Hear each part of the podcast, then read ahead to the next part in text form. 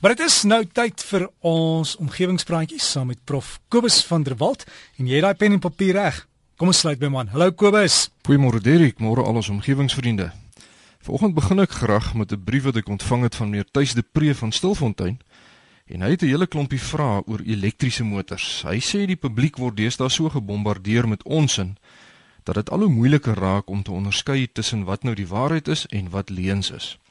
Hy sê die gewone man op straat sal sê hibriede motors is 'n stap in die regte rigting want dit is omgewingsvriendelik, maar dan noem meneer De Pre 'n hele aantal nadele van hibriede motors en hy sê dat niemand die nadele ook onder die mense se aandag bring nie. Hy sê dat wanneer energie omgeskakel word van die een vorm na 'n ander, dan gaan daar altyd 'n deel van die energie verlore. So om batterye te laai vanaf Eskom krag is onekonomies want 'n gedeelte van die elektrisiteit raak verlore in die vorm van warmte. Hy sê verder dat om nou 'n diesel engine van 1800cc of 1600cc te gebruik om 'n laaier aan te dryf om batterye te laai, is net so en onekonomies omdat energie omgeskakel word van 'n fossielbrandstowwe na bewegingsenergie in die engine, dan na elektriese energie en dan na chemiese energie in die battery. En dan van daar af word dit weer omgeskakel in elektriese energie in die motors wat dan nou bewegingsenergie moet opwek om die motor te laat beweeg. Dus sê meneer De Pre sal dit meer ekonomies wees om die motor direk aan te dryf vanaf die engine. Verder sê hy dat die totale koolstofvoetspoor van 'n hibriede motor groter is as 'n gewone motor sin. Van die voetspoor van die kragopwekker en dit is dan nou Eskom wat die batterye moet laai word nie ingereken nie. Hy sê meer energie word benodig om die swaar batterye saam te dra in die motor, dan is hibriede motors ook duurder om te onderhou en ook duurder om aan te skaf. Verder skakel sulke motors se engines gewoonlik af as 'n mens byvoorbeeld by 'n verkeerslig stop en hy sê die koste van die elektriese krag wat gebruik word om die engine nou weer aan die gang te kry nadat dit nou vir 15 of 30 sekondes af was, is meer as die koste van die brandstof wat gebruik sou word as die motor nou net daar sou gestaan en leier het vir die tyd. En dan eindig meneer De Pre sy brief met die vraag: Wat word van die ou batterye? So hy sê hy kan geen voordeel in hibriede motors sien nie. Nou ja, dis 'n hele mond vol, so kom ons begin by die begin. Eerstens moet 'n mens natuurlik onderskei tussen hibriede motors en elektriese motors. Hibriede motors het 'n gewone brandstof-engine wat batterye laai wat dan 'n elektriese motor aandryf, terwyl elektriese motors slegs batterye het wat gelaai moet word sodat dit 'n elektriese engine dan nou kan aandryf. Nou sommige van meneer De Pre se vrae het betrekking op hibriede motors terwyl ander weer na elektriese motors verwys. So kom ons begin by hibriede motors. Meneer De Pre is volkome korrek in al sy beweringe dat hibriede motors talle nadele het en ontwikkelinge in die effektiwiteit van petrol en diesel engines veral oor die afgelope paar jaar laat my nogal saamstem met die bewering dat hibriede motors deesdae eintlik weinig indien enige voordele bokant gewone motors het. As ons egter van elektriese motors praat, dan verander die prentjie ietwat, want 'n elektriese motor weeg amper dieselfde as 'n gewone motor en daar is baie minder energie omskakelings. So die geldige vraag is natuurlik of mens nie maar net die besoedeling vanaf die motor se uitlaatpyp verskuif na Eskom se skoorstene nie, maar as mens kyk na die hoeveelheid energie wat gebruik word om die motor te laat beweeg, dan gebruik elektriese motors beduidend minder energie as petrol of dieselmotors wat beteken dat die besoedeling om die benodigde energie op te wek ook beduidend minder is al word die besoedeling nou verplaas na die plek waar die elektrisiteit opgewek word. Die onderhoudskoste van elektriese motors is verder bykans 0 en die batterye word volledig gehersirkuleer na 8 of 10 jaar se gebruik. Na mate son- en windenergieopwekking gaan toeneem in Suid-Afrika, sal die elektrisiteit waarmee jy dan die elektriese motor se batterye laai, natuurlik ook al hoe minder omgewingsbesoedeling tot gevolg hê. En ek dink ons sal 'n denksprong moet maak vanaf jou motor snags inprop by 'n muurprop in jou motorhuis na herlaaipunte by ons werke sodat die sonenergie wat bedags oorvloedig beskikbaar is direk gebruik kan word om ons motor se batterye te laai terwyl ons in ons kantore sit en werk wat terloops ook al hoe minder sal gebeur omdat 'n toenemende aantal beroepe nie meer 'n mens se fisiese teenwoordigheid vereis nie.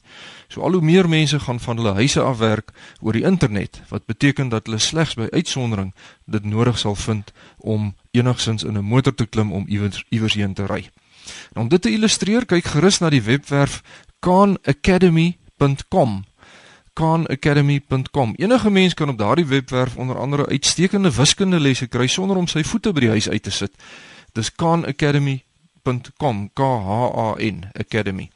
Soek dit sommer op vir u matriekkinders wat tans voorberei vir die eksamen. Dis uitstekende lesse wat u kinders baie sal help met hulle hersiening. Maar goed, terug by meneer De Pre se brief oor hibriede en elektriese motors.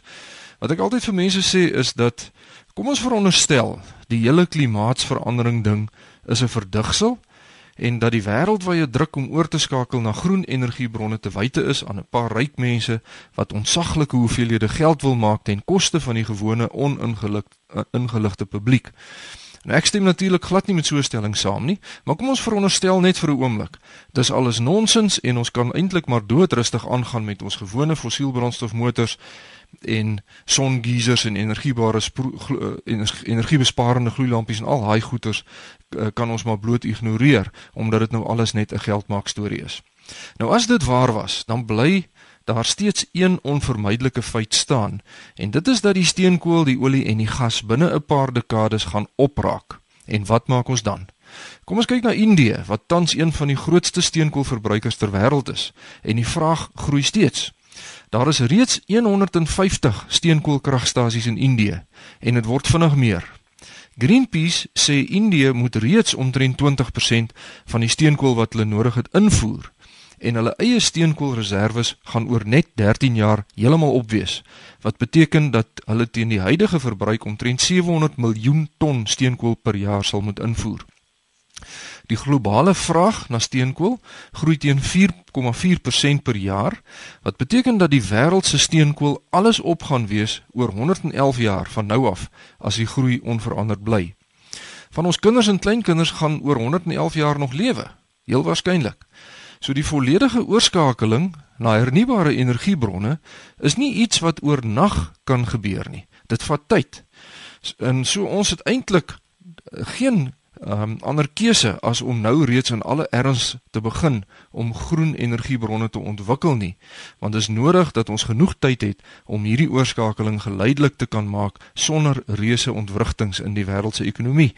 So vir die klimaatsverandering skeptici uh, wat daar wat wat kort kort vir my briewe skryf en so aan. Daar is vir jou 'n alternatiewe suiwer ekonomiese rede waarom die ontwikkeling van groen energiebronne gesteun moet word. As mens egter na die hoofstroom wetenskap oor die klimaatsverandering kyk, waaroor ek verlede week gesels het, is die versnellende globale veranderinge in die klimaat van die aarde 'n baie belangriker rede waarom ons die gebruik van fossielbrandstowwe moet afskaal. So elke mens is vry om die rede te kies waarom jy meer energiedoeltreffend of omgewingsvriendelik moet begin lewe, maar die realiteit is dat ons nie meer die keuse het of ons groen moet gaan nie. En as die mens hierdie eenvoudige feit besef, dan raak al die gestryery oor klimaatsverandering en die mens se invloed eintlik irrelevant. Baie dankie meneer Tuis de Pre van Stilfontein. Dan omgewingsvriende so 'n paar omgewingsnuusbrokkies. Eerstens iets belangriks vir ons boere. Die departement van waterwese gaan binnekort nuwe regulasies uitvaardig met betrekking tot die meting van enige water wat boere op hulle plase wil gebruik. Dit noodsaak boere wat nog nie die reeds bestaande tegnologie gebruik om byvoorbeeld grondvog te meet en besproeiing daarvolgens te skeduleer nie om maar vinnig oor te skakel na sulke stelsels toe. Wat dit eintlik beteken is dat boere wat nog nie presisie boerderystelsels op hulle plase toepas nie, waarskynlik aan die ontvangkant van redelike swaar belastings gaan wees. So aan ons boere doen asseblief die huiswerk en moenie onverhoeds hierdeur gevang word nie. In hierdie verband het ek ook op 'n baie oulike son-aangedrewe pomp af, afgekom op die internet. Uh en die son heet die Sunflower pump. Hierdie pomp gebruik 'n paraboliese reflektor wat soos 'n satellietskottel lyk om water te kook en die stoom dryf dan 'n een eenvoudige pompie aan met behulp van 'n stoom enjinkie. En 'n mens kan 10000 liter water per dag 10 meter hoog lig met hierdie pomp. En as jy die water nou nie so hoog hoef te lig nie, kan mens natuurlik heelwat meer water pomp. Dit beteken dat mens die koopprys van die Sunflower pomp binne 'n jaar of 2 heeltemal kan verhaal, want as die pomp eers daar staan, is daar geen verdere kostes nie. As die son skyn, dan loop die pomp. As iets breek, is dit eenvoudig om dit reg te maak. So dit is iets wat groot belofte inhou vir ons boere. Soek maar net vir die sunflower pump op die internet. Dan iets oor windturbines. En daar is lankal stories in omloop oor die swiepgeluid van die lemme wat kwansuis al verantwoordelik was vir die dood van diere en dis meer daardie klankbesoedeling. En die bewering is dat dit eintlik infraklank is wat die wat die skade doen. Met ander woorde klank wat ons nie kan hoor met ons ore nie. Maar 'n klomp akoestiese ingenieurs van Australië het onlangs navorsing gedoen hieroor en vasgestel dat jou eie hartklop se infraklank harder is as 'n windlaaier se infraklank. So daardie spookstorie kan ook nou maar ter ruste gelê word. Derek, ek sien my tydjie is om. Ons omgewingsvriende kan gerus vir my skryf by kobus.vanderwalt@nwu.ac.za of by die fakulteit Natuurwetenskappe, Noordwes Universiteit Potchefstroom 2520. Vriendelike groete tot 'n volgende keer.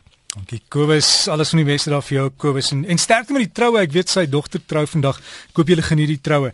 Kobus van der Walt, as jy wil kontak maak, hy's by Noordwes Universiteit in Potchefstroom. Hier is net gou sy e-posadres. Weer is kobus.vanderwalt by nwu.ac.za. Ek gee hom weer is kobus met 'n k. van der Walt by nwu.ac.za